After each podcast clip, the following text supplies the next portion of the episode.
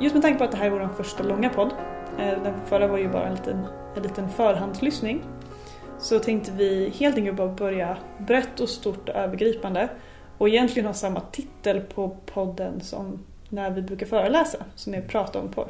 Mm. För vi är på något sätt bara igen bara så här, okej vad händer, varför kollar folk, varför ja. kollar man inte och så vidare. Mm. Och ett samtal kring det, att jag och Lovisa inte kommer så mycket intervjuer varandra idag utan vi kommer mer bara ha ett samtal lite, så vi, eftersom vi båda är pålästa saker. Vi, men det här är något som vi föreläser om. Vi har samtal med mm. människor kring det här. Så att vi, vi kommer helt enkelt ta med på ett samtal eh, kring det här ämnet. Så det är lite spännande att höra lite av dina perspektiv. Mm. Och dina perspektiv. Ja. ja. Vilket är, det är så skönt för det liksom väver ju in i, i titeln på föreläsningen. Så det är prata om porr och vi ha ett samtal om det. Mm. Och vi vill på något sätt bara säga att det är okej att prata om det här. Mm. Att det är okej att fundera på vad, vad motiverar en? Hur mår vi? Vad gör det med oss? Vad vill jag? Mm. Vad, vad vill jag skapa för någon sorts samhälle och mm. för en sorts liv gemensamt och för sorts människosyn och allt möjligt. Att, mm. Men just nu finns det inget samtal om det. Det finns ingen debatt som är, så här, som är konstruktiv. Nej, så det här är våra försök att göra just det. Mm. Tänker jag. jag tror när vi också pratar med människor så känns det som många bara heja, heja på det här. Bara, vad skönt att vi egentligen pratar om det här mm. ämnet. Eh, jag tror att många tänker på det. Många kanske pratar vid köksbordet men man känner kanske att hmm, om jag tar det här att det blir mer offentligt så tror man kanske att oj, vad kommer hända nu liksom och sådana saker. Och jag tror att människor som kanske kämpar med porr känner så oj, om jag samtalar kring det här kommer jag då bli avslöjad och jag tror det är därför man är kanske lite rädd att prata om det. Mm. Eftersom det är en sån hög siffra. Mm. Eh, och så många som har kollat på porr och jag tror att det här rädslan för att bli påkommen. Mm. Ja. Finns, det är samma som handlar om det på något vis. Mm. Jo men verkligen. Mm. Och där tror jag att just med tanke på hur många som kollar på det, hur vanligt det är. Mm. Eh, vissa känner till det, vissa känner inte till det. Men jag brukar säga att enligt en studie från Linköpings universitet mm. så kollar eh, 26% av killar i årskurs 3 på gymnasiet på porr varje dag.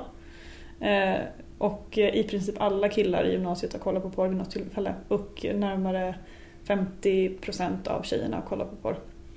Så av den yngre generationen så är det ju liksom mm. en vanligt förekommande grej. Så då, det är därför man blir ännu mer förbryllad över att man kan inte prata om det. För att det ändå är en så pass vanlig inslag. Liksom. Mm. Eh, och sen vuxna efterlyser jag om någon känner till statistik. Men jag försöker hitta så här, statistik, statistik från svenska vuxna porrkonsumenter. Eller så här, hur mycket kollar vuxna svenskar på porr? Mm. Eh, och jag har inte hittat några siffror. Jag har snackat med olika liksom, ja. ställen och mm. kliniker och sånt. Men det finns inte bra statistik på det där. Så... Jag tror ju utifrån vårat vi har mött människor, där vi möter människor och alla samtal vi har och människor som så, så är det olika åldrar verkligen. Det är alltså väldigt många olika åldrar som söker mm. hjälp i det här. Och jag tror på ett sätt, alltså om man är äldre och vi säger att man är i äktenskap eller andra saker. Så tror jag att det kan skapa väldigt mycket skam och skuld om man känner bara mm, det här, jag är så här gammal mm. och jag har jobbat med det här så länge. Mm. Och, så jag tror man också på en viss gräns när man känner så okej okay, nu har jag jobbat med det här så länge och så kanske man blir bara apatisk och bara acceptera det. Ja. Och bara, ja men det här är en del av det. det här, jag är porrmissbrukare. Det är en del och min fru har kanske accepterat det. Ja men det är en del liksom. Mm. Det ser vi att mm. det kan vara så. Vi vill säga, utan att säga för mycket, men vi har personer över pensionsåldern som mm. söker hjälp till oss. Mm, så är det. Ja. Och... och det är ju flera, så det är inte bara en. Nej, precis. Mm. Och sen har vi också många som är yngre. Unga, unga. Mm. Så unga så att vi får lov att vända bort dem tyvärr för att vi känner att vi, när de, ja, vi, tar ju inte, vi ger ju inte kontaktpersoner till någon som är under 18. Eh, vi kan mejla fram och tillbaka med någon som är över 15. Mm. Eh, men vi försöker att vara respektfulla där för de är ändå minderåriga mm. och vi har inte, vi är inte uttalade Nej, stöd för minderåriga. Mm. Och sen, eh, men vi har också de som har hört av sig som är under 15 och då får vi hänvisa vidare. Mm. Det är det enda ja. att göra liksom. Mm. Så alla åldrar, så är det. Mm. Och eh, det är också både människor som är troende, som är kristna och som inte är kristna. Mm. Så är det verkligen. Det är jätteblandade ja. åldrar. Eller blandade kategorier av människor. Mm. Och det är ju väl det som vi ser ungefär som när i början av 1900-talet där. Mm. Så var det ju väldigt många som brottades med alkohol eller var många som söp ihjäl sig. Och, och det liksom var hela samhället liksom. Mm. Och det är lite så nu också att det är i alla samhällsklasser så kämpar man med det här. Mm. Med pornografi. Mm. Eh, och vissa är mer öppna med att man kämpar det och vissa har ju olika syn på det. Mm. Att det är rätt eller fel. Eh, sådär. Precis, då finns det vissa som har liksom, det har inkräktat på ens relationella mm. och ekonomiska och bara tidskrävande beteende som ja. tar över. Mm. Och för andra så är det bara en sån här sak som man gör som man kanske mm. inte har tänkt så mycket på eller Nej, man kanske inte man kanske kollar på porr en gång varannan vecka, eh, mm. en kvart. Mm. Och sen så tycker man eller tänker inte så mycket på det eller man, man kanske inte är stolt över det men man skäms inte riktigt heller. Mm. Eh, de, det är också så jättevanligt mm. att man inte riktigt har funderat på vad det har för effekter mm. på det stora samhället eller också kanske sig själv om det skapar några effekter i sig själv. Och sen finns ju de som typ bara kollar, de kanske är i en relation och sen när de blir singlar så kollar de jätteintensivt. Ja, så man kanske har haft sex mycket och man känner ja. det här suget. Ja, och då så liksom dämpar man det med att kolla på porr. Mm. Eller jag, hörde, jag läste någonstans, jag kommer inte ihåg, men att typ nystudenter. Eh, när man är i en ny stad och man är väldigt ensam och man är väldigt, känns kanske stressad, lite osäker och så här, då kan typ, då ökar det konsumtion för att det är så här, det är enkel lyckorus liksom. Mm. Att kolla på. Och man fattar, alltså det är inte för att klandra någon utan så här, mm. det är logiskt. Typ. Mm. Jag tror ju lite, lite en grej också när man pratar om sådana här saker för att kunna möta människor på något sätt är att man måste hitta en gemensam referenspunkt. Det kan vara människor som lyssnar här som aldrig, om inte tänkt på tanken, bara, oj, kämpar människor med porr? Mm. Liksom, bara, oj, det trodde man, eh, det gör man ju inte nu för tiden. Medan det finns kanske andra som lyssnar som kämpar jättemycket med det och som bara, det här är vardag för mig. Mm. Men det har blivit en del av mitt liv. Liksom så. så det, jag tror att alla har olika referenspunkter på det och jag tror att man på något sätt ibland behöver mötas för att kunna ha ett samtal. Mm. Och kring det här med rätt eller fel, jag tror att man har, alla har olika perspektiv. Så det är ju, liksom, det är så svårt med... Det är, alla har ju en unik brottning eller en unik syn på det. Ja, verkligen. Så det är svårt och det är ju det som är bra med den här podden att vi, vi vill inte med den här podden komma med massa moraliska pekpinnar utan jag tror att vi mm. man vill, tänk om man kan få ett samtal. Tänk mm. om den här podden kan få hjälpa till att få, få vara ett samtal mm. kring det här. Precis. Eller typ så här, om du kollar så här mycket, då är det ett problem. Men innan dess då är det en dålig vana. Alltså det är mm. inte våran rätt att säga att det, är, där går, det finns en, en gräns där. Typ. Utan vi har ju fått människor som har kontaktat oss som är, eh, kollar typ jättesällan men mår extremt dåligt över. Mm. Och bara måste ha hjälp för att de kan inte sluta. Och andra människor som jag har pratat med i privatlivet som kollar regelbundet och inte alls mår dåligt över. Så att referensramen är ju ens egna uppfattning. Om man mm. handlar om individuell, hur jag mår kring min konsumtion mm. så är det ju så här, okej okay, men vad känner du inför den? Och sen hade jag jättegärna velat, om någon kollar mycket på porr och inte känner sig konflikterad över det, då hade jag jättegärna velat ställa typ x antal följdfrågor. Bara mm. så här, har du tänkt på det här? Har du tänkt mm. på det mm. här? Men igen, det är inte vårt ansvar att så här, ge skam eller skuldkänslor till någon Nej. som inte känner det. Liksom. Mm. Eh.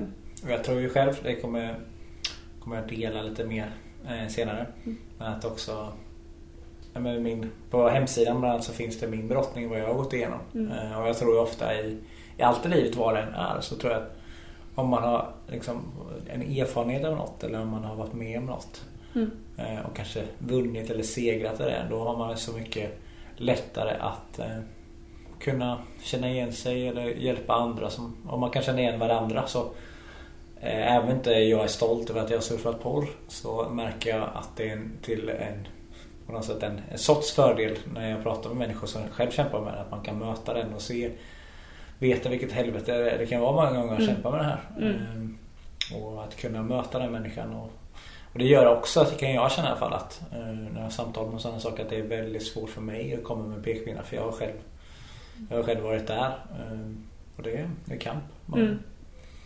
Fantastiskt. Mm, like it. Mm, nej, men, mm. mm. Jag tror vi behöver i det här samtalet med, när man pratar om porr en väldigt ödmjuk ton. Eh, jag tror att det här Tror jag, och det märker vi människor som söker hjälp då. Mm. Att, eh, folk eh, har väldigt svårt att komma med pekpinnar. De är inte så kaxiga utan det är många som ofta är svaga mm. som är rätt så brutna. Mm. Det behöver vi också komma med en, en ödmjukhet och en fin ton. Mm. Mm. Verkligen. Mm. Så är det ju. Uh, jag tror, alltså det är ju så det här med att det är så bra att du säger det öppet till personerna som möter det. Att men jag har också, det har inte varit, jag är inte skonad från att leva under den här tiden. Porren har varit ett problem för mig. För att det, du på något sätt kliver in i den människans båt. Det är så här, hej hej, här mm. sitter vi. Mm. Alltså, här, det, går, det går inte mm, att fördöma någon för att man är så här, men den här idén om att vi sitter här och är perfekta eller att vi skulle ha mm. allting under kontroll det är ju bara någon slags, det är någon slags fasad eller något mm. charadspel. Och det leder ingenstans. Det blir liksom ingenting konstruktiva samtal av det. Det blir, ingen, det blir ingen förändring, det blir ingen uppmuntran. Man kan liksom inte hjälpa varandra om man inte Nej. ställer sig bredvid varandra. Mm. Genuint mm. så här, nej men jag, jag är med dig. Eller jag, jag ställer mig bredvid dig. Mm. Det är fint. Så är det. Mm. Mm. Så nu har vi pratat om hur människor typ, alltså hur, hur man kollar och varför man kollar. Eh, men vad har vi sett för anledningar till att man slutar kolla på porr? Vad är det ofta som är liksom, kan du se någon gemensam faktor där när folk är såhär, nej men nu vill jag sluta. Eller nu vill jag dra ner på det. Eller nu har jag sett att det är ett problem. Vad är det för... Jag tror att det, det är det som är intressant och som jag har sett en, en liten tendens. Det är ju man kan se lite olika grupper. Mm. Men människor som är kanske i en relation. Mm. Som är i en ha en relation med en partner. Att när det också påverkar personen då, alltså den andra personen, att den personen ibland då hotar med, med skilsmässa eller hotar med men du kan inte hålla på med det här längre. Att man ställer personen eh, får ett ultimatum. Mm. Det är ofta ibland, alltså det är som att folk går in i en vägg och bara känner och slår till och får en smäll på något sätt. Oj. Mm. Eh, där tror jag också ibland att det är som man, man brukar säga nästan alla behandlingar att man behöver nå botten. Mm. Och sen, alltså lite så. Mm. Och jag tror att där är en sån perspektiv att jag märker att människor eh, som söker hjälp eh, jag, jag, nu, nu är det tufft i vår relation och jag vet inte om den... Alltså, mm. Kom, ja.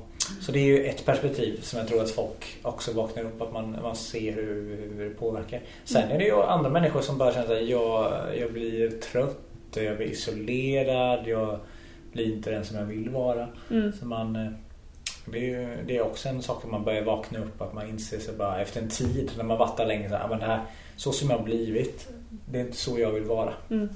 Verkligen. Var du, eh, när du själv tänker på den? Uh, jag, jag, tänker också, särskilt för personer som inte har tänkt på porrens existens i samhället. Mm. Uh, typ, jag har pratat med, med andra vänner som satt i samma situation som jag gjorde, att man visste att porr fanns men mm. jag hade ingen personlig relation till porr. Uh, och fattade inte att det var så utbrett och vanligt. Så var jag, jag var i princip blind för hela den här mm. liksom, insikten. Mm. Och sen så genom att jag började jobba med det här och mm. förstod sambandet i sexindustrin och hela den biten så eh, tog jag ju ställning från ett så här, eh, från ett rent människorättsperspektiv. Att så här, det här är inte någonting jag vill ställa mig bakom. Mm. Och så här, klassisk medveten konsumentperspektiv. Så här, vad, vad sätter jag för avtryck i den här världen?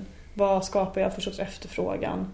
Eh, ja, mina handlingar, det jag väljer att spendera min tid på, det är det sortens eh, samhällsavtryck som jag gör. Så om jag väljer att kolla på porr så ger det samhälls... Då säger jag att det är okej. Då validerar jag den här mm, sortens beteende. Mm. Och det tror jag, där kan jag se att där motiverar jag många i min omgivning, särskilt när jag pratar med andra mm. kvinnor mm. som kanske inte alls har tänkt på det, som sitter i samma, samma båt som jag gör. Mm. Att så här, det här är en anledning för mig att aktivt säga nej. Att man inte bara är såhär, nej men det spelar ingen roll, typ, utan mm. då har man tagit ställning från ett större perspektiv. Om man inte tänker från ett personligt så här, relationsperspektiv.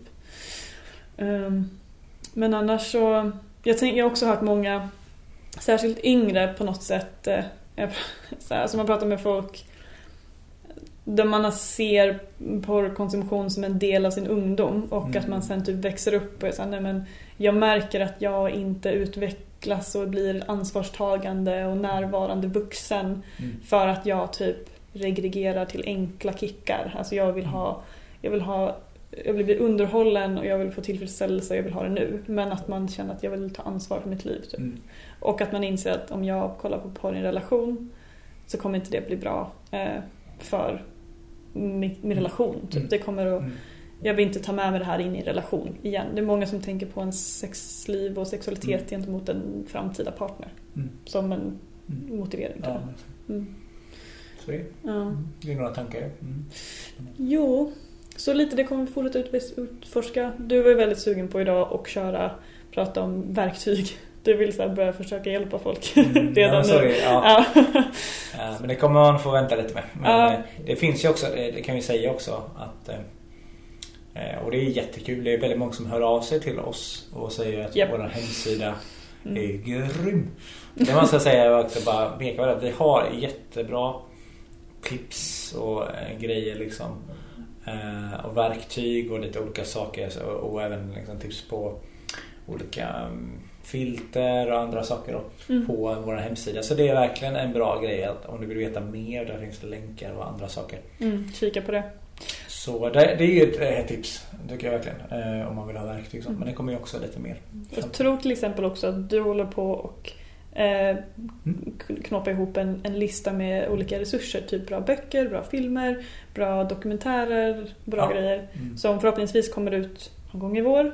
Men det kommer bli som ett typ onlinebibliotek med allt möjligt. Och jag vill ju jättegärna börja typ ladda hem alla våra forsknings, alltså alla forskningsrapporter som jag har läst för att kunna skriva hemsidan och verkligen så enkelt kunna få tag på dem så man kan få börja läsa på. Så här, typ, ja, med, med kunskap kommer ansvar. Och så här, mm, jag kan ta kontroll. Om man fattar hur saker ligger till. Dels för att man konsumerar porr från ett personligt perspektiv men också samhället. Då har man helt plötsligt eh, då växer man några centimeter mm. och får ansvar och kan ta itu med ens sexualitet och inte låta porren styra hur en sexualitet utvecklas utan säga att nej men det här vill jag ska forma min sexualitet eller mm. jag är medveten med vad jag fyller mig själv med. Mm. Eh, kunskap. Och det är också en annan grej det är ju att om du som lyssnar här bara känner men jag har vi träffar ju folk när du är ute och föreläser bland annat också. Träffar mm. folk som har gjort studier, intervjuat och, och mm. sådär mm. eller har skrivit saker. Och, du kanske har tips på någon bra bok eller film du har sett eller sådana saker. Mm. Så hör av, hör av dig till oss mm. eh, i, på vår kontaktmail. Mm. Eller lägg ut det på forumet om du vill att fler ska se det. Mm. Så kan det också vara. Ja. Absolut. Det finns massa möjligheter. Mm. Forum, mail, oss, alltså ja. whatever works så att säga. Mm.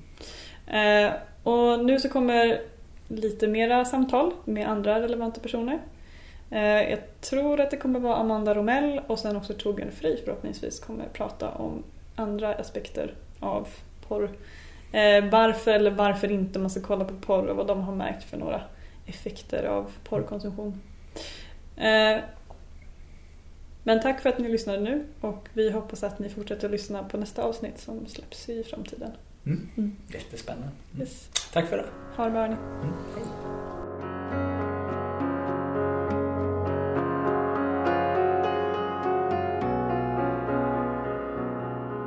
Du är så välkommen till Örebro. Tackar. Mm.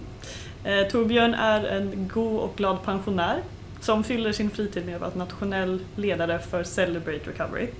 Eh, Torbjörn är också pastor och har en av de mest inspirerade livshistorierna som jag känner till. Eh, och eh, startar om, samarbetar nära med Celebrate Recovery och likaså Frälsningsarmén. Så det känns jättenaturligt att ha dig här idag. Du ska få prata om högt och lågt och varför man ska eller inte ska kolla på porr och så vidare. Vi har också med oss Ann-Katrin som sitter och eh, håller på med annat. Någon annanstans så kanske kommer flika in med någonting. Vi får se. Så ni är jättevälkomna hit. Torbjörn, hur, eh, jag brukar ställa en fråga till vänner som jag känner väl eh, och kände fri att svara hur, hur seriöst du vill. Men eh, vad är din relation till porr? Du kan svara jättepersonligt eller jätteopersonligt. Du får välja nivå. Jag kan ta både och. För jag kan väl säga då att från tonåren så var porr en väl fungerande smärtlindringsdrog för mig för att jag eh, var tvungen att ta väldigt mycket ansvar för mina bröder när pappa dog. Jag var tio år. Och sen i tonåren då så kan jag i efterhand fatta att jag använde porren för att lindra smärta. Sen när det då blev så småningom så, så starkt beroende att det var jobbigt, då, då var det för sent. Då var jag redan fast. Mm. Och jag känner igen det här från alkisar. Jag känner att En del blir alkisar efter tio års eh, ökande slarvighet. Andra känner att de blev det när de tog första supen. Mm. Därför att de har den kemin. Och för mig var belöningssystemet, eller vad det nu är, sådant att eh, första mötet med par var liksom, där var jag fast.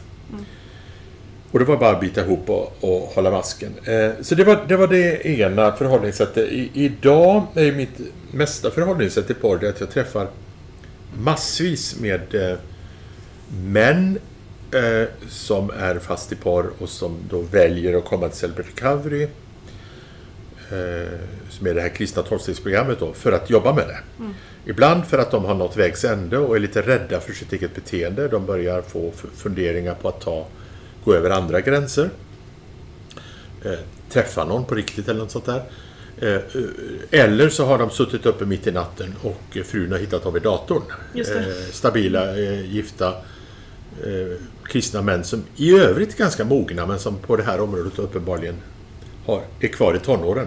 Mm. Och sitter och surfar där i ensamheten. Och där börjar ju då ofta en intressant resa för det paret. Då. Mm. Då dyker de upp på ett Celebrity Recovery-möte och han ser ut som en tonåring som har blivit släpad av mamma till eh, rektorn för en uppläxning. Ja, det. det. är kroppsspråket. Eh, efter något möte så brukar hon förstå att det här behöver hon även om han inte fanns. Eh, därför att det är för många av de här medberoende, det är, det är ju mest kvinnor då till män som är fast i par, men vi har motsatta situationen. Mm. Eh, men, men det, det, är ganska vanligt då att hon tror först att det här är ett problem för henne att han håller på med porr. Men sen kommer hon underfund med att hon har en egen resa som handlar om självbild, självkänsla, mm. självrespekt som kvinna och sådär. Mm. Eh, har kanske till och med sett tecken på det här men inte velat se de tecknen för att det, det mm. blir så jobbigt. Det där möter vi då hela tiden och så, så till den grad att det under en period nästan var sådär lite... Äh, man blev trött på det. Men vi, vi, vi har lärt oss ett förhållningssätt och så man får bli lite halvprofessionell. Mm. För jag är ju inte sexolog då. Mm. Men, men eh, idag så tror jag att vi hanterar det ganska bra. Så jag, man kan väl säga då från början nu för att lägga ut en dimridå här då att eh, 90% av allt jag kan om porr har jag inte erfarenhet utav. Jaha, okay, Nej men jag menar, alltså, jag kan väldigt mycket mer än jag har egen erfarenhet utav. Och, och, min resa i det här var ju tillräckligt illa och tillräckligt förödande och mm. tillräckligt eh, eh, säga, eh, urgröpande utav, utav självrespekt och allting sådär för att vara illa. Mm. Men, men sen har jag då tvingats lära mig väldigt, väldigt, väldigt mycket mer genom och hälsa på. Jag menar, jag har varit några varv på, på rättspsyk och hälsat på eh, grabbar då som, som behöver någon att prata med. Och så mm. det är klart att det är en värld som känns väldigt främmande då. Men, mm. ja. Du har ganska bred erfarenhet av mycket olika varianter ja, av sexuell ja. ohälsa. Ja. Ja, och det, man får väl lite skilja på, på vissa saker här. Det, det, blir, det är en skala liksom. Ja. Men de... ja, men det, det intressanta då när ämnet är porr, det är ju då att alla de här som då till exempel inte kan låta bli att förgripa sig på minderåriga eller på mm. de här killarna på, på, på, som, som sitter på rättspsyk som inte har förstått normala signaler om nej och så utan tror att mm. då har ju de lärt sig på porrfilmerna att mm. hon menar ju inte nej utan det är en del i leken. Så det, spelar... så det ska ju forceras. Ja. Det, är, det är ju det hon vill. Mm. Jag vet ju nog vad du vill ha din hynda. Det, det, det har ju han lärt sig på i porren. Ja, så det finns ett jättestarkt samband mellan det här värsta. Men sen är ju det vanligaste i samhället, det är ju liksom bara fullständigt i övrigt normala karar som då mm. ändå är fast på porr. Ja. Det, är ju, det är ju det breda problemet. Mm. För de här som det går riktigt illa för och så, de har ju oftast en psykisk ostabilitet, de har någon slags mm. narcissistisk eh, personlighet. Och... Precis. Ja, du är lite här för att representera kanske när folk verkligen är så här, ja nu behöver jag seriös mm. hjälp, jag mm. känner mig fast och mm. beroende och då kommer man till CR. Medan jag tror Starta om kan också träffa massa människor som bara har det som någon litet bakgrundsbrus mm. som inte riktigt påverkar men man känner sig inte så konflikterad heller. Mm.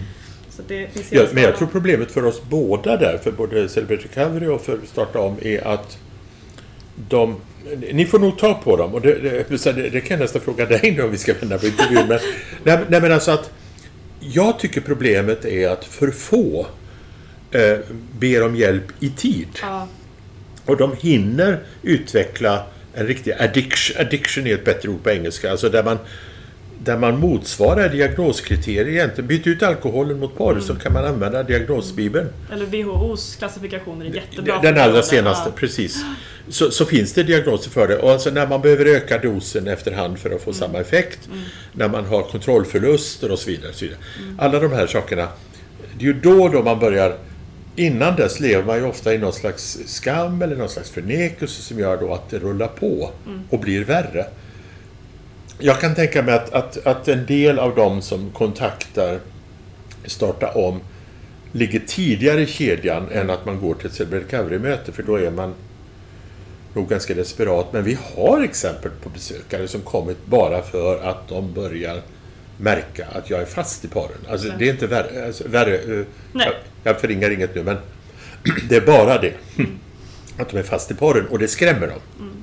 Men det kan stämma. Jag tror också att det har mycket att göra med att de som, de som är yngre eh, kategorin och, och kontaktar oss, som är kanske mellan 20 och 30, Eh, de kan ju se att det här har varit en väldigt påtaglig närvaro under deras ungdomsår. Men de har också väldigt mycket driv att skapa förändring för att de är unga vuxna och ja. vill så här, jag vill se att jag vill leva annorlunda om jag ska leva i 50 år till. Ja. Liksom. Plus att de har ju då eh, växt upp med ett etablerat internetsystem mm. Som ju jag har varit med om när det kom. Jag, jag jobbade ju på tidning när internet kom och vi började ja, jobba precis. med mail och började jobba med att surfa och så. Det var ju helt mm. nytt. Va? Helt, helt andra förutsättningar. Helt Men jag tror att efter det här snacket nu tror jag många funderar över om man inte känner till det. Vad är CR i korta drag? Kan du förklara vad, det, ja, vad man alltså, gör? De, de, de flesta vet ju vad Anonyma Alkoholister är. Anonyma Alkoholister är en världsrörelse som jobbar med 12 steg. Som är formulerade egentligen i en kristen eh, helgelseväckelse, alltså en förnyelseväckelse på 30-40-talet i USA som heter Oxfordgrupprörelsen och där växte AA fram. Så AA har kristna rötter, även om AA är då neutralt när det gäller religion. Man är bara till för att hjälpa den som vill sluta dricka. Mm. Det är AA. Eh, men de tolv stegen används ju för matmissbruk, för porrmissbruk, för eh, arbetsnarkomani eh, och så vidare. Eh, och då har en församling i USA för snart 30 år sedan gjort ett program för alla människor med sår, ovanor och beroenden. Och ska man vara lite, lite fräck kan man ju säga att alla som inte platsar i det lever ju uppenbarligen i förnekelse. Mm. Och det, det, säger vi inte officiellt, nu sa jag det på band, men, men, men, men, men de flesta människor skulle ha glädje av att någon period i livet göra en sån här genomarbetning som man gör i tolvstegsprogrammet. Mm. Och då har vi grupper runt om i hela Sverige som sitter och jobbar med stegen och använder det för att komma till rätta med sår, ovanor och beroenden. Ehm, så att Celebrate Recovery jobbar med hela denna breda kategori av sår, ovanor och beroenden. Mm. Och så är det då en kristen profil, så vi jobbar med bibelmaterial och vi definierar den högre kraften som då är en nyckel för att tillfriskna. Som Jesus, helt enkelt. Mm. Ehm, mm. Växer i, finns i alla samfund idag, mm. Eh, i stort sett. Ja. Det är verkligen en rörelse som växer. Eh, jag är imponerad av att se det utifrån. Och mm. Det ploppar upp överallt mm. på olika sätt. Folk söker det. Man behöver mm. lite en tydlig plan för mm. hur man ska kunna gå igenom vad man känner och tänker. Eh, jag vet att jag har inte gjort det än, men jag kommer göra det någon gång i mitt liv. Jag väntar på att, att bli övertygad. Jag vet att Christian eh, Samuelsson, eh, mm. som jobbar med oss, han har gått det. Just det, de har jobbat med det på han, den bibelskolan han lärare. Ja, precis. Och, han, och vi, som jag sa innan, då, vi samarbetar ju med, med CR. Så att det, när Christian ringer och snackar med de som söker hjälp, vilket han gör ibland, så kan han rekommendera att, mm. jag tror att CR låter som någonting som du skulle uppskatta. För det gör någonting att höra andra människor ja. Som kämpar med grejer som vi, vi, vi ganska ofta, det kommer en 25-årig kille, nykomling till ett möte. Och så säger vi då att du behöver inte säga någonting, du behöver inte ens säga ditt namn mm. när, vi, när vi nu går rundan här och, och delar. Mm. Men du måste lova att hålla tyst om vad du har hört och om vem du har träffat här. Mm. Så, du kan träffa kändisar här men det berättar vi inte. Mm. Och eh, då går vi ett varv och så sen har vi ett varv till kanske med lite tid över fördelning och då säger den här unge mannen Ja, jag hade ju inte tänkt att säga någonting för jag tyckte det var lite skämmigt men när jag har hört er andra så är det, det var ju inte så märkvärdigt det jag har att komma med. Nej. Jag är helt enkelt fast i porr. Då är det ju ofta porr. Det kan vara att han har börjat få problem med att dra gränser för sitt drickande eller något sånt där. Mm. Det kan också vara. Ofta är det en kombination. Det är väldigt, väldigt, väldigt få missbrukare som bara har ett utlopp. Ja, nej precis. Och, och när man blir nykter alkoholist så uh, blir man godismonster om man inte ser upp. Mm. Därför att de metabola processerna alkohol är en sockerart. Och, och, och amfetamin och, och porr är ju liksom tvillingar mm. äh, ut, ut i mm. nöjeslivet. Mm. Um. För folk söker hjälp för porr. Eh, eller liksom de, de det, är ganska, det är ganska, det är ganska, ganska stor grupp. Ja. Eh, det är ganska stor grupp. Och det beror då inte på att de vet till exempel att jag skulle ha något speciell, speciellt erfarenhet av porr eller så. Vi har andra också ledande då. Det vet de inte om utan de vet ju vad AA är. AA är för alkoholister och de känner ju igen sig i dem. Mm. Och nu talas det ju i samhället om porrmissbruk som en addiction. Alltså, nu ja. pratar man ju om diagnoser och annat. Så att det, det, är ju inte så... Alltså, för mig var ju den tanken att börja identifiera det som ett missbruk, den var ju ny när min själasörjare början på 90-talet, mm. salig Hans Johansson som nu är hemma hos Herren, eh, frågade är inte det här någon slags missbruk som du egentligen sliter med? Mm. Och det var liksom...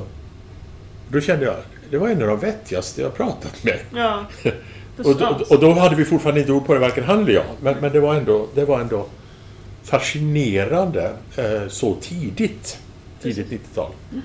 Och sen då när jag väl kom till vägs ände, då hade det tolvstegsprogrammet som jag gick, det hade bara funnits i två år i Sverige. Mm. Så det var en timing som ju man nästan kan börja tro på Gud när man tänker på. Men, men Sex and Love Addicts Anonymous, SLAA då, som finns på många håll runt om i Sverige också, framförallt i universitetsstäderna, mm. eh, var det program jag gick in i. Och det var ju, alltså det var AA för sex och kärleksmissbrukare. Mm. Så eh, utan att dela för mycket, för som jag förstår det så är det, ja, som du sa innan, det är tystnadsplikt i CR. Man berättar inte vilka som är där eller vad som sägs. Mm. Men om du skulle dra generella slutsatser eller generella penseldrag. Vad, eh, varför kommer människor säga att porren är ett problem för dem? Vad är det som har fått dem att inse att pornografi inte bara är en fritidssysselsättning men någonting som de behöver söka stöd för? Mm. Alltså, vi har så många nu så att man kan generalisera utan att... Och då är det många av dem som kanske till och med jag har mött som hör det här och känner igen sig. Men då ska de veta liksom att dessvärre så är du, du är en av 25 då. Den här personen som känner igen sig i det jag säger. Mm. Så det är inte ens säkert att jag tänker på dig. Vi tror ju allihopa att vi är så intressanta. Alla tänker på mig men det är ju bara jag som tänker på mig själv. Mm. Eh, så, så det, det, finns generaliserbara erfarenheter. Den vanligaste är nog gifta män mm. som blir upptäckta. Mm. Eh, telefonen låg framme och något vuxet barn börjar bläddra i den. Och säga vad det håller du på med farsan? Din gris och sådär. Och så blir det stor konfrontation, en stor katastrof. Mm. Och eh, det kan vara frun som är sådär klassisk schablonsituation som har hänt mer än en gång. Så ni som känner igen er, ni ska inte tro ni är ensamma. Uh, hon är uppe på toaletten på natten och ser att det lyser från arbetsrummet. Right. Smyger dit, smyger sig på och ser vad han tittar på. Uh, och då kan man väl säga att han då i de här lägena går in i den totala skamchocken och känner sig ju liksom avslöjad och skamsen och kan nästan förbanna sig själv över att han liksom inte satt stopp för det här förut. Mm. För nu får det sådana konsekvenser. Jag menar, hon är inte säker på att hon ska vara kvar. Um, hon säger att om detta händer en enda gång till så är det slut. Och uh, har det här blivit så djupt det här beroendet så är det ju faktiskt hög risk för återfall under tillfrisknandet. Mm. Det är det ju. Mm. Ska man inte, eh, ingen missbrukare fick höra det jag sa nu, för att man kan aldrig skylla på det när man tar återfall. Men, men, men det är ändå ett faktum. Mm. Så den är vanlig. Vi mm. har en del lite yngre som har en ångest över att de märker att det är tvångsmässigt. Eh, då, då är det porr och självsex ofta. Vi, vi använder aldrig ordet onani eftersom jag vet inte vad det är för någonting. Ja, det, det, är kan, bara, kan, vi kan bestämma att vi aldrig använder det. Nej, men alltså det är någon kung i Gamla Testamentet alltså. eh, som inte ville skaffa barn. Och det handlar ju liksom inte om att man inte får röra vid sin kropp. Mm. Utan ordet självsex lärde jag mig på SLA och det är perfekt ord därför att sex är till för det, det, den djupaste kommunikationsform mellan två människor som, som har utvecklats i hela skapelsen. Och då blir ordet autosex, självsex, det blir så patetiskt som det är. Mm. Det, det, är ju liksom fullständigt... Ja. Mm. Så att den kombinationen är ju då jätteviktig. Och de här lite yngre, det här kan vara äldre också, men det yngre kan då få en ångest över att de märker att det här har jag inte kontroll över. Och så mm. är det nog lite mer uppmärksamhet via din podd och annat sånt här. Faktiskt idag va. Mm. Eh, och, och medieuppmärksamheten och Folkhälsomyndighetens senaste rapport och så. Mm. Så att eh, man då förstår att nu är jag lite farligt ute och då kommer man. Just det. Det är inte så ovanligt. Mm. De som är lite äldre, de har då varit på själavård, de har gått i bikt, de har gått i KBT. Mm. Eh, det har nog till och med i vissa kristna miljöer har man försökt att kasta ut eh, eh, driftslivet, mm. ungefär som en främmande makt då, och det går ju inte. Mm. Och det går inte att kasta ut sår, det går inte att kasta ut själviskhet heller. Mm. Det här är väl de vanligaste. Mm. En del av de här männen kommer smygande till möten. Mm. Och frun följer inte med. Vi uppmuntrar väldigt starkt att få med henne, för vi delar ju upp män och kvinnor när vi har delning, så får hon vara i kvinnogruppen. Mm. Dels träffa kvinnor med liknande erfarenheter, men också märka att jag behöver jobba med mig själv oavsett vad han har gjort eller inte gjort. Mm. Um,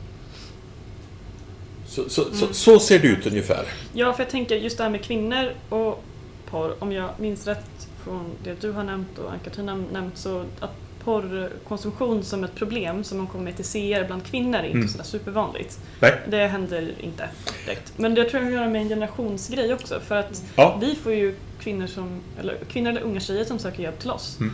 Eh, vi har inte fått en enda äldre kvinna. Nej. Eh, och statistiken från Folkhälsomyndigheten visar ju att det är yngre kvinnor. Men om, om, man säger porr eller övergrepp då har vi ju en, en, en statistik på 80-90% så hamnar det på mansgruppen och mindre på kvinnogrupper. Mm. Men om vi pratar om tilltrasslad sexualitet mm. i betydelsen att man blivit utnyttjad eller att man lider av ensamheten eller i, i sin självömkan är fast i självsex eller något sånt där. Mm. Då stiger ju eh, andelen i kvinnogrupperna. Precis, då är det en annan. Ja, ofta då kanske förknippat med kanske någon eh, perioder av alkoholberoende eller liknande. Mm. Alltså ett socialt fungerande alkoholberoende, mm. behöver inte vara utslaget. Det. det. är helt otroligt hur på något sätt att man, om man öppnar dörren för ett sorts destruktivt beteende så är det som att man också validerar att kunna prata om andra saker. Och, och det har jag märkt också när jag pratar om pornografin att människor kommer att berätta saker mm. till mig som är destruktiva beteendemönster mm. men som inte är porr. Mm.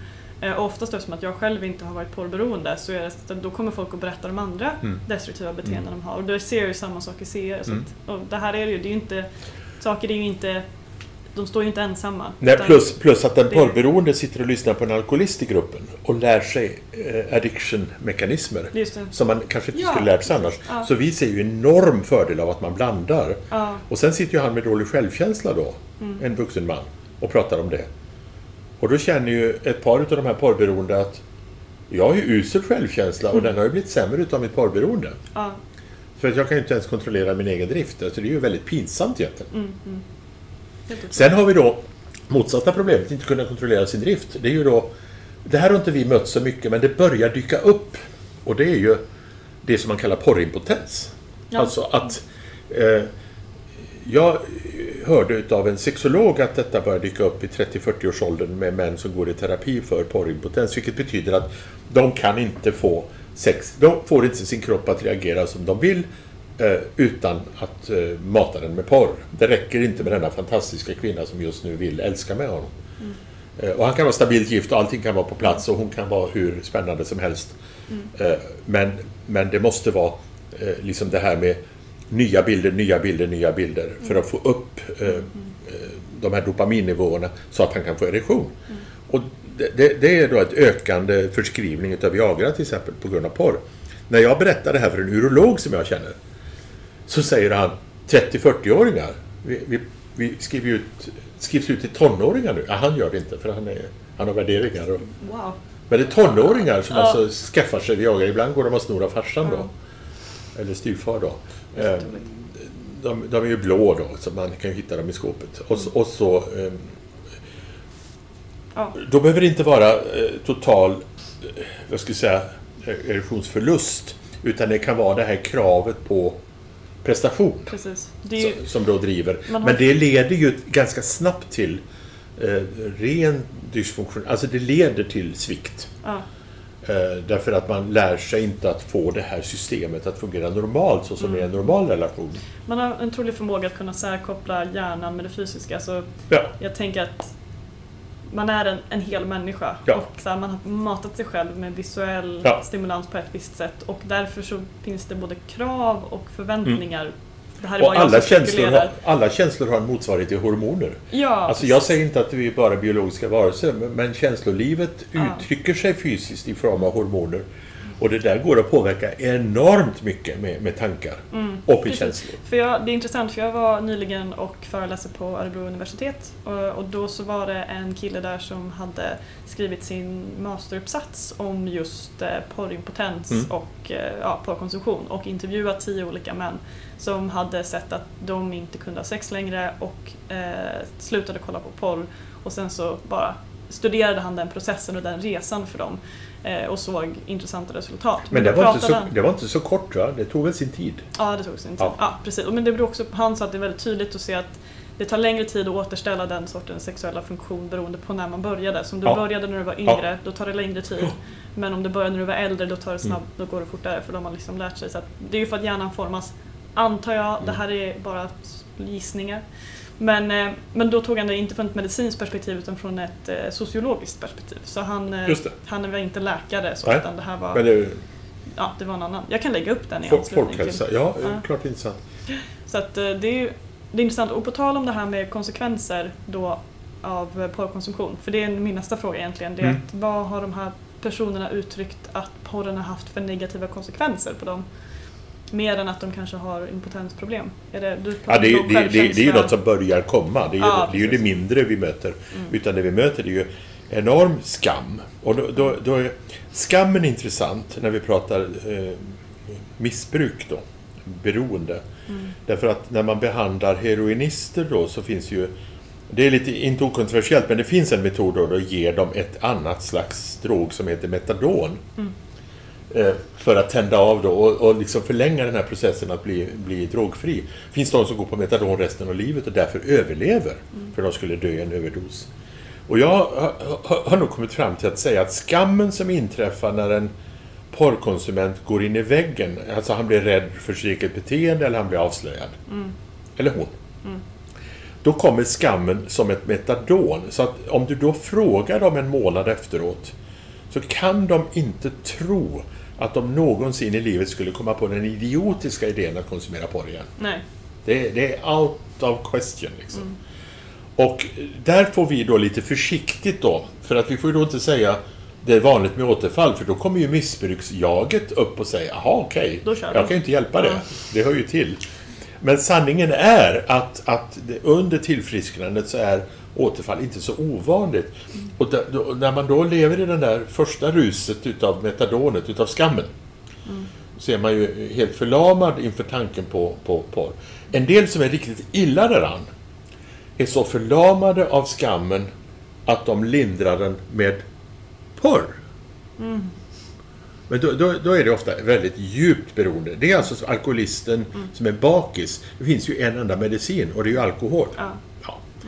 Eh, Och, och så, men, det, men det vanligare är att man lever i nästan lite rosa moln, att det är så skönt att få kommit ut nu. Ja. Ja. Nu är jag avslöjad och hon, tanten verkar vara kvar och, och vi, vi ska jobba med det här. Och på, på ett plan så är vi kanske närmare varandra än vi har varit någonsin, för i nöden då så. Men det är jättebra att du tar upp det, för det är den, vi får alltid den responsen, antingen vid forumet eller via mejlen, att folk uttrycker en sån genuin tacksamhet och lättnad Mm. att prata med oss. Att Mm. mer så här, nu känns det som att Mm. jag klarar mig. Så här, nu, Mm. nu är ångesten har släppt. Mm. eh, jag kan ta itu med det här, mm. eh, jag är okej, okay, mm. det är fine. Vilket, alltså det är ju jätte... Och för de som bara varit på väg in i det så kan det ibland räcka. Alltså ah, jag, jag säger ju inte att det är... Men, men, den där som men hittade var... pappas porrtidningar när han var fyra. Ja, då kanske det det blir ju ofta väldigt grava konsekvenser och väldigt djupt beroende och väldigt, mm. väldigt sjuka kan mm. man bli.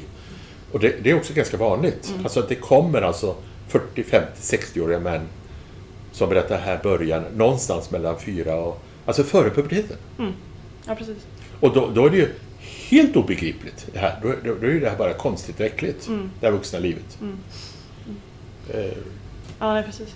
Nej, men då, det är bra för dem att veta också att det kan kännas otroligt bra under en längre tid ja. om du lever på ett rosa moln. och, och det är ju bra, kan... men, men, men att man förstår att nu måste jag börja bygga upp hur ska jag hantera när jag blir lite mer normal, när det här har klingat av och ingen kommer att peka finger och ingen påminner mig och mm. sådär. Min sista tanke, jag vill bara kolla din respons på det. Eh, det finns en ny rapport från bara en vecka tillbaka från Folkhälsomyndigheten mm. som säger att 41 procent av killar och män mellan åldrarna 16 och 29 kollar på porr varje dag till flera gånger i veckan. Mm. Vad tänker du om det? Låter det rimligt? Ja, ja, jag, jag tyckte den senaste rapporten, jag, jag har bara läst nyhetssammanfattningarna och mm. med lite längre artiklar också. Jag har inte läst rapporten än mm. vi varit ute och rest. Men, men eh, det var inget i den som förvånade mig. Nej. Och är nivåerna, är det 70% totalt va? Som, ja, det var ganska... Eh, som ser på porr kommer inte ihåg det i huvudet men det är mycket Alltså inte det där varje dag utan som... Alltså, som man ser på porr. Ja, i någon mån. Ja, det var män. Det var 70. Det var, den är ju lägre på kvinnor men, men den stiger ju. Alltså jämställdheten för både rökning och, och porr och så eh, stiger ju långsamt. Jämställdhet, det blir bättre, mer jämställt. Mm. Och i det här fallet är det negativt. Precis. För att det hade varit enklare att lösa jämställdheten med att minska bland männen då, men det, det, ökar ju bland unga tjejer också. Men det var ändå en ganska rejäl skillnad mellan män och kvinnor. Den är fortfarande rejäl. För jag tror att kvinnor kollar på porr, men de kollar inte på porr så regelbundet. Nej. Om jag minns det rätt. Det, när det gäller tjejer, om det är en tjej som hör det här, det, det som väl är det vanligaste som vi möter i själavården och i Celebrity Recovery, mm. det är tjejer som gick med på att se den där filmen för killen ville det. Mm. För att liksom de skulle komma i stämning. Mm. Och i några fall har det varit en självkränkning och hon har mått illa utav det men har gått med på det. Ja. Men det är också de tjejer som då upplevde det obehagligt att de tände på det. Ja. Alltså blev det en skam. Mm, mm. Eh, för det där är ju några andra människor, de ska inte vara med i vårt rum här nu. Vi ska, mm. om vi, ja. Eh, så det, det är ju en vanlig ingång mm. att eh, killen vill kolla på Ja. Och jag tror, apropå det också, jag tror också väldigt många killar första gången de ser porr också skäms för att de tänder på det de ser. För att de förstår. Ja. Bara för att liksom ja. så här, oh ja. level the plane. Ja. Oh ja, oh ja, det tror jag. Men, men så, jag tror alltså introduktionen till det. För, för killar introduceras sällan till par utav sin flickvän. Mm. Utan utav killkompisarna i skolan. Mm. Alltså, eh, på min tid så var det ju så att någon hade hittat tidningar i sin mm. pappas mm. eh, garderob. Och hade gömt dem under en sten upp i skogen bakom skolan och sen mm. satt ett gäng där och tittade på de här. Mm. Eh, det, var, det, och det, det, kan ju idag nästan låta lite idylliskt. Gamla goda tiden. Ja, den gamla goda tiden. Va? Mm. För då var ju... Eh, en annan förutsättning. Då var det, då var det ofta bara topless. Mm. Alltså på, ja. porren. Men, eh, I kontrast till mig då, jag, blev ju, jag fick porr skickat till mig i högstadiet. Eh, ja. Som ett, så här, bara ett skämt typ. Ja. Eh, och så tryckte man upp en länk och så liksom frös hela datorn och så var det bara naket överallt. Ja. Så det var min introduktion till porr. Och det var också så här, apropå att bli introducerad av varandra mm. i skolan, det är jättevanligt. Mm. Liksom. Mm. Ja, nej, jag tror att man, den här rapporten kommer vi att eh, bena ut och gå igenom ännu mer för att det är så mycket intressanta slutsatser. Ja. Dels också för att ta ner eh, att man inte gör det här för stort än vad det är, att man liksom står på ett stort trumman på en gång utan man försöker vara sund och återhållsam i hur man uttrycker sig om hur illa porren är för mm. alla människor. Jag tror att det är ett, verkligen ett problem för de som brottas med det, som de som kommer till CR, de som vänder sig till oss många gånger känner att det här håller på att förstöra mitt liv. Eh, men det finns också de som eh, inte kollar på porr. Och de är medvetna och de tänker på det. Så Men sen har du en stor gråzon som ju, det är ju ett helt ja. eget program. Men, men bara ett ord om det. En, det finns ju en gråzon och det är de som inte är fast. Mm. Utan de bara tillåter sig eh, och kittla sig lite med lite porr ibland. Mm. Och vi har alla de här affärsresandena som bara ser på porrfilmer när de bor ensamma på ett hotellrum mm. eh, och saknar frun. Eh, och det händer kanske tre gånger om året då. Mm. Och då, hur stort problem är det? Alltså, vi brukar och, köra, vi kallar dem passiva konsumenter. Att man ja, på något sätt och då kan man, man rätt sexologiskt tycka då liksom att det kanske inte är alarmerande. Och det, men, mm. Även om det är en början på någonting. Mm. Men, men det är ju fortfarande frågor. Eh, de här tjejerna då som är i de här filmerna, har de, är, eh, mm. är det frivilligt? Mm. Hur många av dem måste ta droger för att göra den inspelningen? Mm. Hur många av dem som har sålt sig till en film säljer också sig live, så att säga? Mm. Och, och, vad är det för värld? Och vad är det för kvinnosyn? Och vad är det för attityd till relationer? Mm. Vad, är det, vad är det för syn på sex? Så det finns, jag tycker det finns med risken då för att bli nymoralist. För, mm. för, det, för det, det, är ett icke som jag... Det växte jag upp med och det hade vi ingen nytta av. Det, jag, jag, tycker nu nymoralism... Alltså moralismen och puritanismen är egentligen bara en annan sida av, av, av, av porren.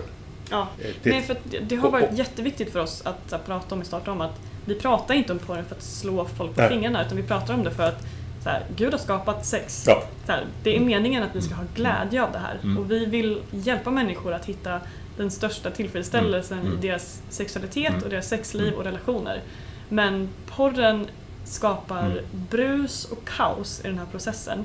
Så det bästa vi kan göra är att peka på att så här, det här kan du tänka på. Mm. Så här kan du liksom vårda, ta hand om och utveckla din sexualitet. Och porren behöver inte vara det som hjälper oss med sexuell utveckling. Alltså det... Och det här börjar man se någonstans i det sekulära samhället. Idag har folkhälsoproblemet börjat bli så stort mm. att folk som tidigare var oroliga för att vi ska hamna i nymoralism mm. börjar idag se att det är ett problem. Och då handlar det inte om äktenskapssyn, om att man måste vara gift eh, innan man kan... Alltså mm. den Nej, kyrkans ja. så att säga, eget sätt. Utan idag, Folkhälsomyndigheten kom med den här rapporten mm. och visar på stora problem i samhället. Ja, det bara kostar pengar. Ja. Man har inte vågat erkänna diagnosen, till mm. exempel par eller sexberoende. Mm. Därför, jag tror ju helt enkelt att det, dels har man svårt att dra gränsen vetenskapligt. Jag förstår problemet. Mm. Men jag tror att det är pengar. Mm. För när man släppte in hasardspel in i socialtjänstlagen, så att säga så, så visste man ju också att det här kommer ju behöva ha... Skattepengar. Det är stora skattepengar. Ja, verkligen. Nej, precis. Det handlar om hur mycket man har möjlighet att kunna investera. Jag, jag såg en affisch för Spelmissbruksföreningen i Göteborg som egentligen går att översätta på porr. Han säger så här då på affischen. Jag kan sluta spela när jag vill. Mm. Ska vi slå vad?